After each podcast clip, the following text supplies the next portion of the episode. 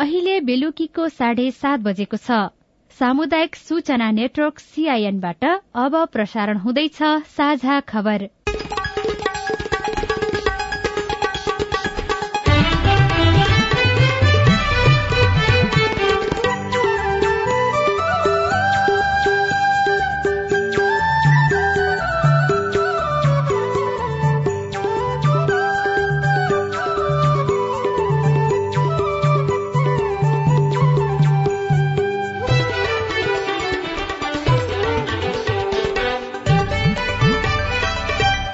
सीआईएनको साझा खबरबाट अविनाश आचार्यको नमस्कार। साझा खबर देशभरिका सामुदायिक रेडियो सीआईएन खबर डट कम सीआईएनको फेसबुक पेज र मोबाइल एप सीआईएनबाट पनि सुन्न सकिन्छ।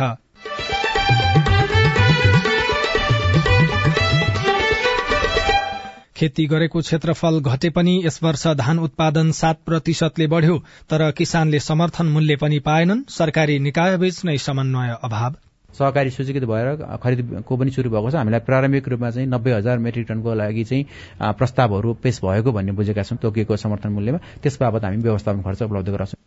नवनियुक्त प्रधानमन्त्री प्रचण्डले पुष उन्तिस गते विश्वासको मत लिने मापदण्ड विपरीत खटिएका सुरक्षाकर्मी फिर्ता हुन थाले। सरकारको न्यूनतम साझा कार्यक्रम तय गर्न समिति गठन। पाँच दिनभित्र न्यूनतम साझा कार्यक्रम तय गर्ने र यो प्रमुख सत्ता साझेदार दल संयोजकको रूपमा हामीले एमाले अध्यक्ष केपी शर्मा ओलीलाई हामीले संयोजकका रूपमा अगाडि बढाउने निर्णय भयो। पालिकाले सड़क बत्तीको महसुल नतिरेपछि पाँच अर्ब भन्दा बढ़ी बक्यौता मधेसमा चिसो बढ़ेसँगै जनजीवन प्रभावित नागरिक न्यानो राहतको पर्खाईमा। अब गरीब आदमी। अब देखू टोला में घूम के देखू कौन हालत है टोला के हो गए मुखिया प्रधान जीत ले से या कर देबो वा कर देबो किसो न करे से र ए डिभिजन लीग फुटबलको मिति फेरि सर्यो फागुन उन्नाइस गतेबाट गर्ने सहमति।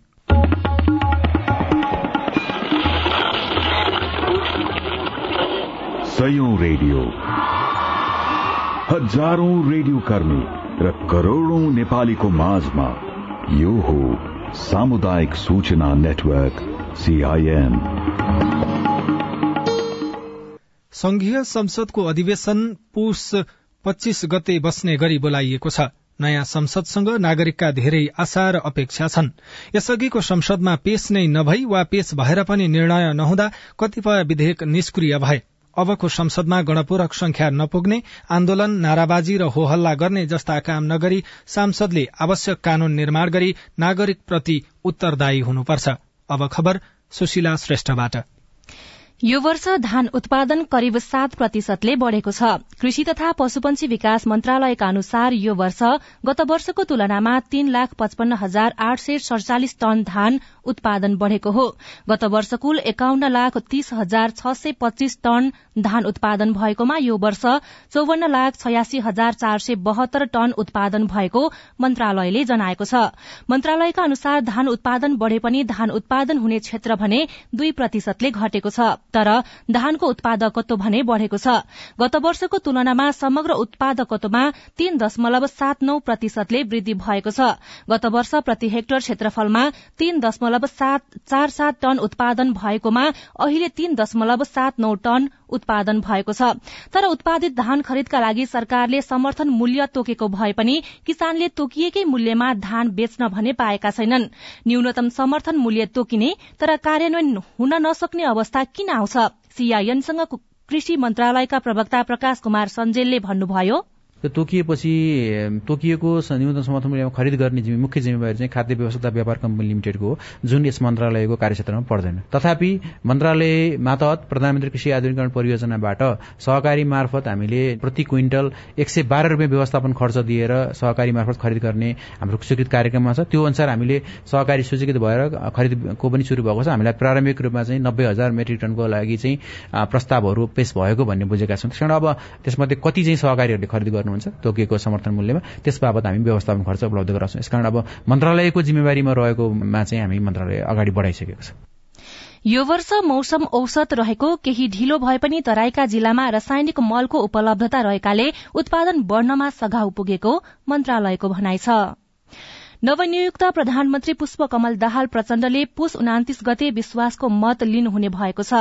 आज प्रधानमन्त्री निवास बालवाटारमा बसेको सत्ता गठबन्धनको बैठकमा भएको छलफलपछि प्रधानमन्त्री प्रचण्डले पुष उनातिस गते विश्वासको मत लिनेबारे समझदारी भएको हो। संवैधानिक व्यवस्था अनुसार प्रचण्डले प्रधानमन्त्री नियुक्त भएको तीस दिनभित्र विश्वासको मत लिनुपर्नेछ। सोही व्यवस्था अनुसार उहाँले पुष उनातिस गते विश्वासको मत लिने तयारी गर्नु भएको हो। यस्तै बैठकले सत्ता साझेदार राजनीतिक दलहरूले न्यूनतम साझा कार्यक्रम तय गर्न समिति गठन गरेको छ। नेकपा एमालेका अध्यक्ष केपी शर्मा ओलीको संयोजकत्वमा गठन भएको समितिले पाँच दिनभित्र न्यूनतम साझा कार्यक्रम तय गर्ने निर्णय समेत गरिएको गृहमन्त्री रवि लामिछानेले बताउनुभयो। आजको बैठक चाहिँ विशेष गरेर यो प्रमुख सत्ता सत्ता साझेदार दलहरूको आज हामी बैठक बस्यौँ। केही दलका साथीहरू उपस्थित हुन त पाउनु भएन। तर हामीले चाहिँ एउटा निर्णय गरेका छौँ भने एउटा न्यूनतम साझा कार्यक्रम तय गर्ने पाँच दिनभित्र न्यूनतम साझा कार्यक्रम तय गर्ने र यो प्रमुख सत्ता साझेदार दल संयोजकको रूपमा हामीले एमाले अध्यक्ष केपी शर्मा ओलीलाई हामीले संयोजकका रूपमा अगाडि बढाउने निर्णय भयो र पाँच दिनभित्र एउटा न्यूनतम साझा कार्यक्रम तय गर्ने भन्ने निर्णय गर्यौं र त्यसपछि अब मन्त्रीमण्डल विस्तारका विषयमा छलफल स्तरहरू चढे र मन्त्रीमण्डल विस्तार गर्दाखेरि क्षमताका आधारमा मेरिटोक्रेसी भन्छौँ त्यसका आधारमा चाहिँ हामीले विस्तार गर्ने भन्ने विषयमा छलफल भयो। यस्तै आजको बैठकमा मन्त्री परिषद विस्तारका विषयमा पनि छलफल भएको छ। तर मन्त्री परिषद विस्तार भने प्रधानमन्त्री पुष्पकमल दाहालले विश्वासको मत लिएपछि विस्तार हुने बताइएको छ। गृह मन्त्रालयले मन्त्रालयको स्वीकृति बिना नेता र राजदूत नभेट्न सुरक्षा अधिकारीलाई निर्देशन दिएको छ। सुरक्षा निकायका पदाधिकारीहरूलाई स्पष्ट प्रयोजनका साथै विभागीय स्वीकृति नलिई राजनीतिक दलका नेता तथा कूटनीतिक नियोगका नेतृत्वसँग भेटघाट नगर्न निर्देशन दिएको हो।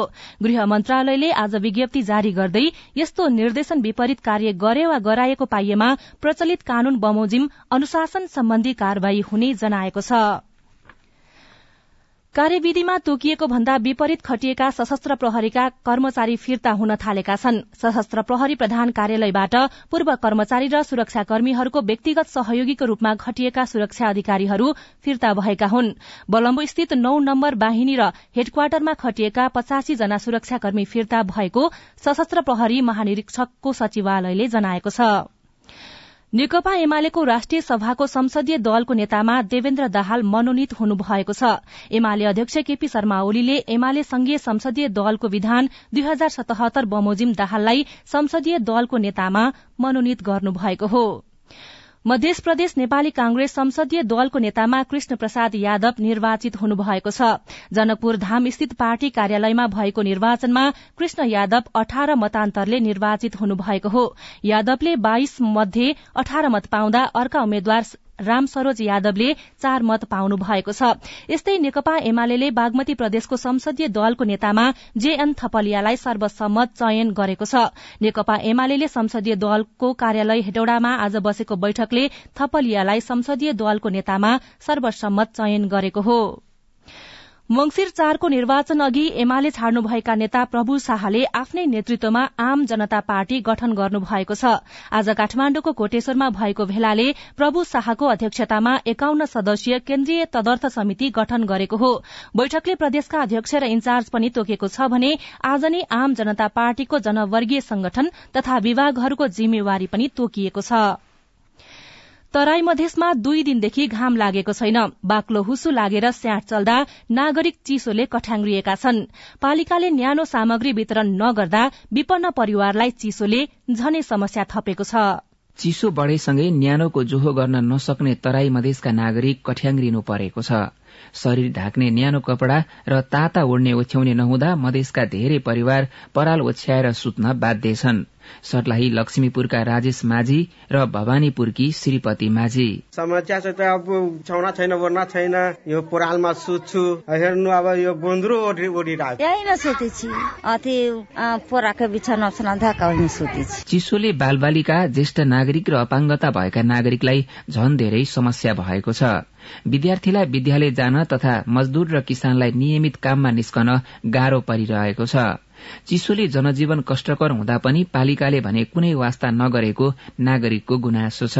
सर्लाहीको बसपरिया गाउँपालिकाको कार्यालय सँगै रहेको मुसहर बस्तीकी पैंसठी वर्षीय मनमा देवी माझी। अब गरीब आदमी अब देखू टोला में घूम के देखू कौन हालत टोला के हो मुखिया प्रधान जीत ले से या कर देबो वा कर देबो किसो न करे से जनता के ठग ले से सर्लाहीमा यो वर्ष चिसोले कठ्याङ्ग्रिएर पाँच जनाको मृत्यु भएको छ। तर अझै पालिकाले चिसो प्रभावितलाई न्यानो प्रदान गर्न पहल गरेका छैनन्। राहतका लागि पालिका आफै गैर सरकारी संस्थाको मुख ताकेर बसेका छन्। हरिपुर नगरपालिकाका प्रमुख गोपाल पजियार। अब बाहिरबाट आएको र जुन चाहिँ धात्री संस्था छ दिएको जुन संख्या छ त्यो संख्याले पर्याप्त भएको छैन। जसलाई दियो खुसी भयो। जसले पाएन आक्रोशित भयो के? यो जुन एनजिओले यो वितरण गरेको थियो त्यो एनजिओको प्रमुखसँग हामी कुरा गर्यौं। फेरि माग गरेको छौँ। कठ्याङ्ग्रिदो चिसोले जनजीवन प्रभावित पार्दा विपन्न समुदायका नागरिक आफ्नै आँगनको सरकारको न्यानो पर्खिरहेका छन्। Janarjan Khatri CIN radio Ekata Sarlahi. कृषि तथा पशुपन्छी बीमाको अनुदान बापतको रकम एक साताभित्रै वितरण गरिने भएको छ। नेपाल बीमा प्राधिकरणले निर्जीवन बीमा कम्पनीहरूलाई पशुपन्छी बीमाको प्रिमियम अनुदानका लागि अठाइस करोड़ रूपियाँ वितरण गर्न लागेको हो। बीमा कम्पनीहरूले प्राधिकरणमा बुझाएको कागजातका आधारमा भेरिफाइड करिब छप्पन्न हजार भन्दा बढ़ी बीमालेख बापतको रकम वितरण हुने प्राधिकरणका प्रवक्ता राजु रमन पौडेलले सीआईएनसँग बताउनुभयो। साझा खबरमा अब खेल खबर। पहिलो संस्करणको नेपाल टी ट्वेन्टी लीगमा फार वेस्ट युनाइटेडलाई पराजित गर्दै जनकपुर रोयल्स अंक तालिकाको दोस्रो स्थानमा उक्लिएको छ। तेस्रो जीत हात पार्ने क्रममा जनकपुरले फार वेस्टलाई आठ विकेटले पराजित गरेको हो। र शहीद स्मारक ए डिभिजन लीग फुटबल प्रतियोगिताको मिति फेरि सरेको छ। यसअघि पुस अठाइस गतेबाट सञ्चालन हुने भनिएको शीर्ष डिभिजन लीग फागुन उन्नाइस गतेबाट मात्रै शुरू गरिने भएको हो। सुशीला श्रेष्ठ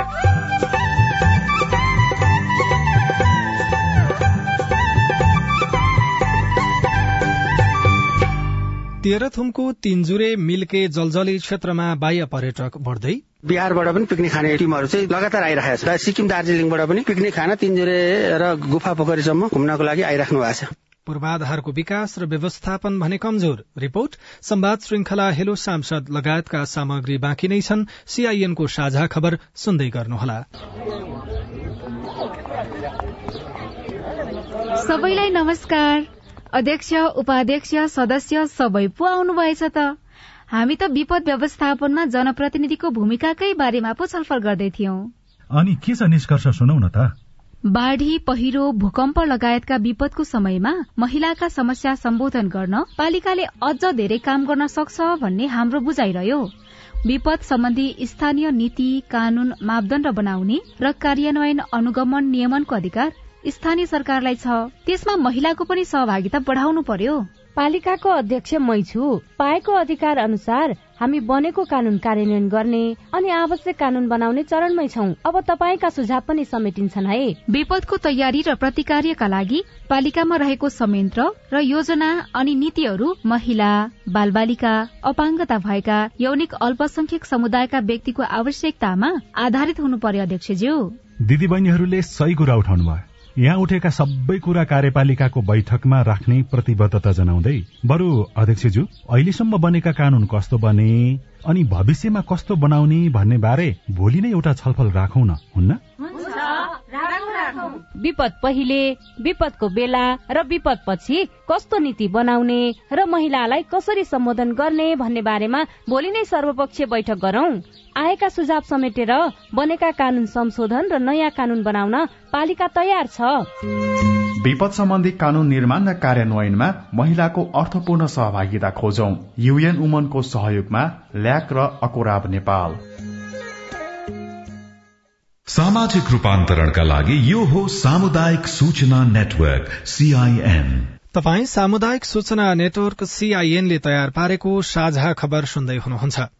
सड़क बत्ती प्रयोग गरे बापत स्थानीय तहहरूले महसुल नतिर्दा साढे पाँच अर्ब रूपियाँ भन्दा बढ़ी बक्यौता पुगेको छ। सड़क बत्ती प्रयोग गरे बापत सम्बन्धित स्थानीय तहहरूले नै महसुल तिर्नुपर्ने व्यवस्था रहेको छ। नेपाल विद्युत प्राधिकरणको तथ्याङ्क अनुसार देशभरिको बक्यौता पाँच अर्ब साठी करोड़ रूपियाँ पुगेको हो। यसमध्ये सबैभन्दा धेरै बक्यौता रकम काठमाडौँ महानगरपालिकाको छ।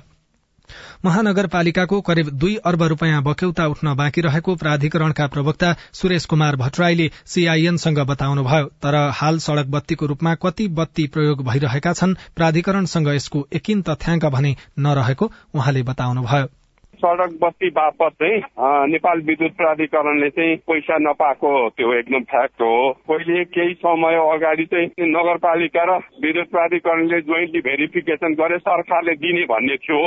स्थानीय सरकार गठन भएपछि चाहिँ त्यसको लागि पनि बजेटको व्यवस्थापन चाहिँ स्थानीय सरकारलाई गर्दै जस्तो लाग्छ। तर उहाँहरूबाट पैसा चाहिँ हाम्रोमा आएको छैन। यतिका समयसम्म यहाँले ताकेता नगर्नु भएको हो अथवा ताकेता गर्दाखेरि पनि स्थानीय सरकारले व्यवस्था गरेको त? नेपाल विद्युत प्राधिकरण भनेको एउटा सरकारको पूर्ण स्वामित्व संस्था पनि हो होइन? हामीले ताकेता नगर्ने भन्ने कुरै आउँदैन। तर अब यो विद्युत प्राधिकरणसँग विकल्प भनेको त रिक्वेस्ट गर्ने त हो। भारतीय विदेश मन्त्रालयले नेपालसँगको द्विपक्षीय सम्बन्धलाई मजबूत बनाउँदै चुनावपछि बनेको नयाँ सरकारसँग मिलेर काम गर्न उत्सुक रहेको जनाएको छ। आज आयोजित साप्ताहिक नियमित पत्रकार सम्मेलनलाई सम्बोधन गर्दै भारतीय विदेश मन्त्रालयका प्रवक्ता अरिन्दम बागचीले पुष्पकमल दाहाल प्रचण्ड नेतृत्वको नयाँ सरकारसँग मिलेर काम गर्ने बताउनु भएको हो। तेह्रतुङको बसन्तपुरमा रहेको चोलुङ पार्क हुँदै तिनजुरे मिल्के जलजले टीएमजे क्षेत्र घुम्न जाने पर्यटक बढ़ेका छन्। गुराँसको राजधानीको रूपमा समेत चिनिने यो क्षेत्रका केही पूर्वाधारको विकास र व्यवस्थापन गर्न सके पर्यटक आगमन अझ बढ़ने सम्भावना छ। टीएमजे क्षेत्रलाई पर्यटन मन्त्रालयले पर्यटकीय नयाँ गन्तव्यको सूचीमा समावेश गरेको छ। यो क्षेत्रमा घुम्न आउने पर्यटकले आरआर गार्डन तिनजुरे पाथिपरा मन्दिर मिन्छाइम डाँडा मिल्के डाँडा गुफा पोखरी पाँच पोखरी खोपिङ पोखरी सभा पोखरी देख्न सकिन्छ। यस्तै मौसम खुलेको बेला मकालु कञ्चनजंघा र कुम्भकर्ण हिमालको दृश्यावलोकन गर्न सकिन्छ। ती क्षेत्रका पोखरीहरूमा हिमालको प्रतिविम्ब देखेर पर्यटक मोहित हुने गरेका छन्। हामी अलि माथि तिनजुरेसम्म पनि गएर है बाटो चाहिँ अलिक अप्ठ्यारो रहेछ होइन। पहिला पहिलाको घरहरूलाई झझल्को दिने खालको। धरानबाट तीन घण्टामा पुगिने बसन्तपुरमा रहेको चोलुङ पार्क पर्यटकको पहिलो आकर्षणको थलो बनेको छ।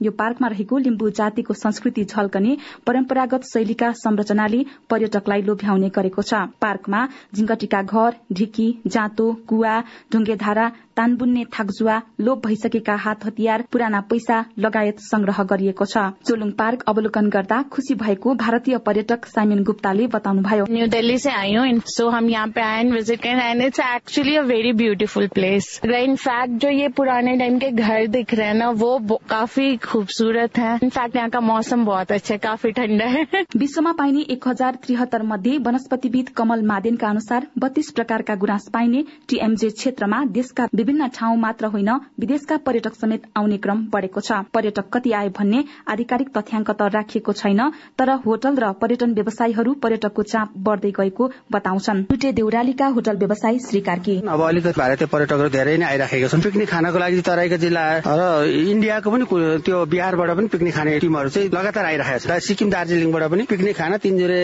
र गुफा पोखरीसम्म घुम्नको लागि आइराख्नु भएको छ। लालीगुराँस नगरपालिकाले चोलुङ पार्क बनाएपछि र टीएमजे क्षेत्रको थप प्रचार प्रसार गरेपछि पर्यटक आवागमन बढ़ेको हो। पर्यटकको आवागमन थप बढ़ाउन नगरपालिकाले विभिन्न योजना बनाएर काम गरिरहेको लालीगुराँस नगरपालिकाका मेयर अर्जुन माबुहाङ बताउनुहुन्छ। कम्तीदेखि पन्ध्रदेखि बिससम्मको पदयात्रा गराउने होइन। त्यहाँदेखि माथि त गोठ पनि छैन। अब पालिकालाई त्यहाँ गोठ अथवा सानसानो टहर बनाउने खानेपानी धाराहरू ल्याउन लगाउने अब माथि अलिअलि बस्ती पनि बसाउने चाहिने प्रोडक्टको लागि चाहिँ काम गर्ने योजना गर्न लगाउने। पर्यटकीय पूर्वाधारको विकास भौगोलिक अवस्था अनुकूल पदमार्ग निर्माण paragliding zipline rock climbing bungee trekking guide लगायतको व्यवस्था र यातायातको राम्रो प्रबन्ध मिलाउन सके टीएमजे क्षेत्रले पर्यटन मार्फत राम्रो आय आर्जन गर्न सक्ने देखिएको छ। बबिता राई सीआईएन रेडियो साझा खबरमा अब हेलो सीआईएन बैतडीबाट सुरेन्द्र साउद सीआईएनको फेसबुक पेज मार्फत सोध्नुहुन्छ सिगास गाउँपालिका छ लेकममा बनेको एनटीसीको टावर कहिलेबाट सञ्चालनमा आउँछ? सुरेन्द्रजी तपाईँको प्रश्न हामीले दूरसञ्चार कार्यालय बैतडीका कार्यालय प्रमुख विक्रम राम टमाटालाई सुनाएका छौं। यो सम्बन्धी जिल्लामा त खासै जानकारी थिएन। मैले योभन्दा पहिले पनि एकजना पब्लिकको फोन आयो हुनाले म अहिले प्रादेशिक निर्देशनालय अत्केरामा आएर यही विषयमा छलफल गर्दैछु। अब पछि जानकारी हुन्छ कहिलेदेखि चालु हुन्छ भन्ने कुरो। शम्भुदास फतवा विजयपुर नगरपालिका नम्बर एक रौतहटबाट मतदाता शिक्षामा खटेका महिला स्वास्थ्य संसेविकाहरूले यो फतुवा विजयपुर नगरपालिकामा अझसम्म भाता पाएको छैन। कसले दिन्छ? नगरपालिकाले दिन्छ कि निर्वाचन आयोगले दिन्छ भने अब कहिले दिन्छ भने अब? जवाफ दिँदै हुनुहुन्छ। जिल्ला निर्वाचन कार्यालय रौतहटका जिल्ला निर्वाचन अधिकारी छोटेलाल दास। निर्वाचन आयोगबाट निर्णय भए अनुसार हरेक स्थानीय तहमा महिला स्वयंसेविका खटाउनु पर्ने उहाँहरूलाई निर्वाचन आयोगले नभई स्थानीय तहले नै कम्तीमा दस हजार पारिश्रमिक उपलब्ध गराउनु पर्ने भनेर निर्णय भएको छ। त्यही अनुसारले हामी चिठी पनि लेखिसकेका छ यहाँ। जिल्ला स्तरीय मतदाता शिक्षा व्यवस्थापन समिति थियो। त्यो अनुसार हरेक स्थानीय तहले ठाउँमा पनि बुझाएकै छ। त्यहाँ फतुवा विजयपुर नगरपालिकामा पनि बुझाउनुहुन्छ। अलिकति ढिलो हुन्छ। त्यो नगरपालिकाको निर्णय गर्नुपर्ने भएकोले। यही प्रश्न हामीले फतुवा विजयपुर नगरपालिकाका सहलेखापाल नवीन यादवलाई सुनाएका छौं। स्वयंसेविकाहरूको भत्ताको सम्बन्धमा चाहिँ हाम्रो संघीय राजस्व मार्फत आइसके पछाडि भुक्तानी हुने हो। मन्त्री महिनाको चाहिँ संघीय राजस्व मार्फतको पैसा नआएको हुनाले हामीले भुक्तानी गरेका छैनौँ आइसकेपछि हामी तुरन्तै भुक्तानी गर्नेछौँ तपाईँ जुनसुकै बेला हाम्रो टेलिफोन नम्बर शून्य एक बान्न साठी छ चार छमा फोन गरेर आफ्नो विचार प्रश्न गुनासो तथा प्रतिक्रिया रेकर्ड गर्न सक्नुहुन्छ। तपाई सामुदायिक सूचना नेटवर्क सीआईएनले काठमाण्डुमा तयार पारेको साझा खबर सुनिरहनु भएको छ। संसद र सरकारलाई कसरी प्रभावकारी बनाउन सकिन्छ? छ महिना अगाडि पार्टी बन्यो। त्यो राजनीतिक दलको नेताको विश्वसनीयतामा भोलि प्रश्न गरौँला समयले बिसौँ वर्ष काम गरेका मान्छे त हाम्रो प्रश्नको कटरामा छन् भने भर्खर आएको मान्छेलाई संघाको सुविधा मात्रै हुन्छ। नयाँ र पुराना दुवै दललाई हुने चुनौतीबारे लोकतन्त्र र सुशासनका विज्ञ हरि शर्मासँगको कुराकानी सहितको विशेष श्रृंखला हेलो सांसद बाँकी नै छ। सीआईएनको साझा खबर सुन्दै गर्नुहोला। बाल विवाह विरूद्ध धर्मगुरूहरूको प्रतिबद्धता। वैदिक साहित्यमा बाल विवाह छैन। बाल विवाह हाम्रो मण्डली अन्तर्गत भएको छैन। हाम्रोमा बाल विवाह हुँदैन। यो मुद्दुमले भनेको कुरा हो र हाम्रो व्यवहारमा त्यस्तो नै छ। राधामिस गीता बाइबल कुरान वेद लगायतका सबै धर्मका ग्रन्थहरूले बाल विवाह गर्नुहुन्न भनेको भनेर धर्मगुरूले रेडियोबाट भनेको सधैँ सुन्ने गरिन्छ। तर किन बाल विवाह अन्त्य नभएको होला? हाम्रो नगरलाई बाल विवाह मुक्त गराउन अब के गर्ने होला? त्यो त हो नगर प्रमुख ज्यू भनेर मात्रै पुग्दैन। सबै धर्मका धर्मगुरूहरूले म बाल विवाह गराउने काममा संलग्न हुन्न भनेर प्रतिबद्धता जनाउने र अरूलाई पनि त्यस्तै सिकाउने कार्य गर्न सके मात्रै त्यो कार्य प्रभावकारी हुन्छ। अनि बाल विवाह विरूद्ध काम गर्ने संघ संस्थाहरू र तपाईँहरू जस्ता स्थानीय सरकारले पनि धर्मगुरू र धार्मिक अगुवाहरूलाई यो अभियानमा सँगसँगै सहभागी गराएर अघि बढ़ाउन सके। बाल विवाह लगायतका हानिकारक परम्परागत अभ्यास अन्त्य गर्न सकिन्छ। हुन्छ राधा मिस म त्यसै गर्छु। ओल्ड भिजन इन्टरनेसनल नेपाल र अकुराब। सामाजिक रूपान्तरणका लागि यो हो सामुदायिक सूचना नेटवर्क सीआईएन तपाई सामुदायिक सूचना नेटवर्क सीआईएनले काठमाण्डुमा तयार पारेको साझा खबर सुन्दै हुनुहुन्छ। संघीय संसदको बैठक आउँदो पुस पच्चीस गते बस्दैछ। यसपटकको प्रतिनिधि सभामा केही नयाँ अनुहार आएका छन्। नयाँ पार्टी र युवाको सहभागिता देखिएको छ। यसले केही आशा जगाएको विज्ञ बताउँछन्। अबको संसदलाई उत्तरदायी र प्रभावकारी बनाउँदै सरकारलाई समेत चलायमान कसरी बनाउने? साथी लील प्रकाश चन्दले लोकतन्त्र र सुशासनका विज्ञ हरि शर्मालाई सोध्नु भएको छ। नमस्कार। संवाद श्रृंखला हेलो सांसदमा हार्दिक स्वागत छ। म प्रकाश चन्द। आजको संवाद श्रृंखला हेलो सांसदमा। अब विस्तार हुने सरकार र संसदलाई प्रभावकारी बनाउनको लागि सरोकारवाला निकायको भूमिकाको विषयमा छलफल गर्दैछौ। हामीसँग कुराकानीका लागि राजनीति शास्त्री हरि शर्मा हुनुहुन्छ। संवैधानिक प्रावधानहरू हेर्यो भने तुलनात्मक रूपमा यो अग्रगामी नै छ। जात जाति भाषा भाषीको तर जसको हातमा डाडी पनियो हामीले छोडिदिएका छौं तिनीहरू बेइमान छन्। भनेको राजनीतिक दलका नेतृत्व। नेतृत्व बेमान हामीले यसरी बहस गर्छौं तर नागरिक स्तरले त कसै न कसैलाई मैले भोट दिनै पर्छ भनेर त्यतातिर कतिको बुद्धि पुगिरहेको छ त्यसमा के हो भने दलहरू चाहिँ एकदम ढुक्क छन्। यिनीहरूले हामीलाई नै भोट हाल्ने हो भन्ने देखिन्छ होइन। जतिसुकै आलो काँचो भनिए पनि भविष्य अनिश्चित भनिए पनि अहिलेको निर्वाचनमा कहाँबाट आयो कसरी आयो भन्ने त मलाई पनि आश्चर्य छ। र यिनीहरूले भोलि कसरी काम गर्छन् के गर्छन् संशय छ। स्थापित दलहरूको निम्ति गालामा ठूलो झापड त हो नि त। नयाँ राजनीतिक दल आयो सांसदहरू निर्वाचित भएर आएको छ नि। छ महिना अगाडि पार्टी बन्यो। त्यो राजनीतिक दलको नेताको विश्वसनीयतामा भोलि प्रश्न गरौँला समयले बिसौँ वर्ष काम गरेका मान्छे त हाम्रो प्रश्नको घटरामा छन् भने भर्खर आएको मान्छेलाई शङ्खाको सुविधा मात्रै हुन्छ। सम्भव त रहेछ नि त। राजनीतिमा असम्भव त रहेनछ त छ महिनामा पार्टी गठन गरेर लाखौं मान्छेले भोट त हाल्दो रहेछ त। त्यो भनेको नागरिकको एउटा उकुस मुकुसको अभिव्यक्ति भन्ने कि अथवा यो परिपक्व निर्णय गरेको आधारमा उकुस मुकुस हो। जो मान्छे धेरै वर्षदेखि आनन्दले कुम्भकर्णको निद्रामा बसेको छ त्यसलाई झकझकाउन पनि परीक्षण गर्नुपर्ने हुँदो रहेछ। तपाईँ त्यति धेरै चिन्तित अथवा अलि निराशा जस्तो देखिनुको कारण के हो? किनभने कोही व्यक्ति नयाँ आएर उसले नयाँ राम्रै पनि त गर्न सक्छ नि। एकैचोटि फड्को मार्ने मात्रै समाज होइन। गाडीमा स्थिरताका साथ बस्नु चाहिँ कि बस्नु? अथवा त्यो मोटरसाइकलमा स्कुटीमा स्थिर भएर बस्नु? चल चल गर्नुभयो त गाडी हल्लिन्छ।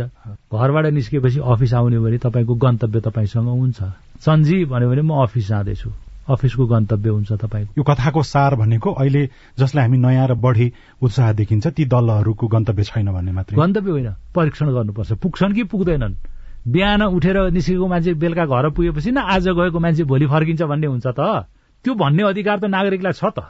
तर यसको कारण त फेरि अहिलेसम्म हामीले ज जसलाई भोट दियौं जुन पार्टीलाई के गर्छन् भनेर आशा गर्यौं उनीहरू माथिको अविश्वास अथवा एउटा निराशाको अभिव्यक्ति हो नि त। त्यो अभिव्यक्ति हो र जवाफदेताको खोजी ती सबै मिलेर अहिले फेरि सरकार गठनदेखि सारा कुरा जुन नाटकीय रूपमा जस्तो भइरहेको छ किनभने चुनावभन्दा अगाडि एउटा गठबन्धन थियो। आगामी सरकार राष्ट्रपति कला बनाउने भन्ने भागभण्डाको विषयले पुरै तहस नहस भयो भन्ने कुराहरू अहिले आइरहेको छ। अब यसले कतिको काम गर्न सक्छ र नागरिकको जीवनस्तर अथवा नागरिकले अहिले केही नयाँ भयो भन्ने त्यस्तो महसुस गराउन सक्छ सक्दैन? मलाई अहिलेको जुन किसिमको परिदृश्य मञ्चन हुँदैछ त्यसबाट धेरै ठूलो आशा छैन। यसले तुलनात्मक रूपमा तपाईँ हाम्रो जीवनमा फड्को मार्ने किसिमको काम गर्न सक्छ भन्ने लाग्दैन। चल्छ गभर्मेन्ट बन्छ ट्याक्स उठाउँछ सबै कुरो गर्छ। किनभने त्यसको आफ्नै प्रक्रिया हुन्छ। तपाईँले हामीले नचाहे पनि संविधानले भनेको छ दुई वर्ष त यसलाई केही गर्न पाउँदैन भनेर भन्छ। अब के के हुन्छ उनीहरू? खेला गर्लान्।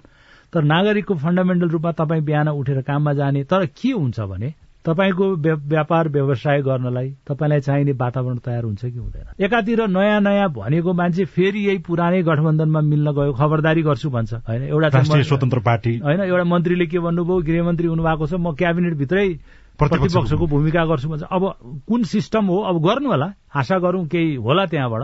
तर मलाई चाहिँ त्यति आश छैन होइन? यो सरकारले यो गलत अभ्यास गर्न सक्छ अथवा यसो नगरिदियो हुन्थ्यो भने लागिराखेको चाहिँ के छ? मनमा केही त्यो एउटा केही न केही तपाईँमा शङ्का भएर नै तपाईँको अभिव्यक्ति सायद यसरी आइराखे मलाई के लागिरहेको छ भने सार्वजनिक नीति निर्माणका सन्दर्भमा सुनिश्चितता हुनु पर्यो।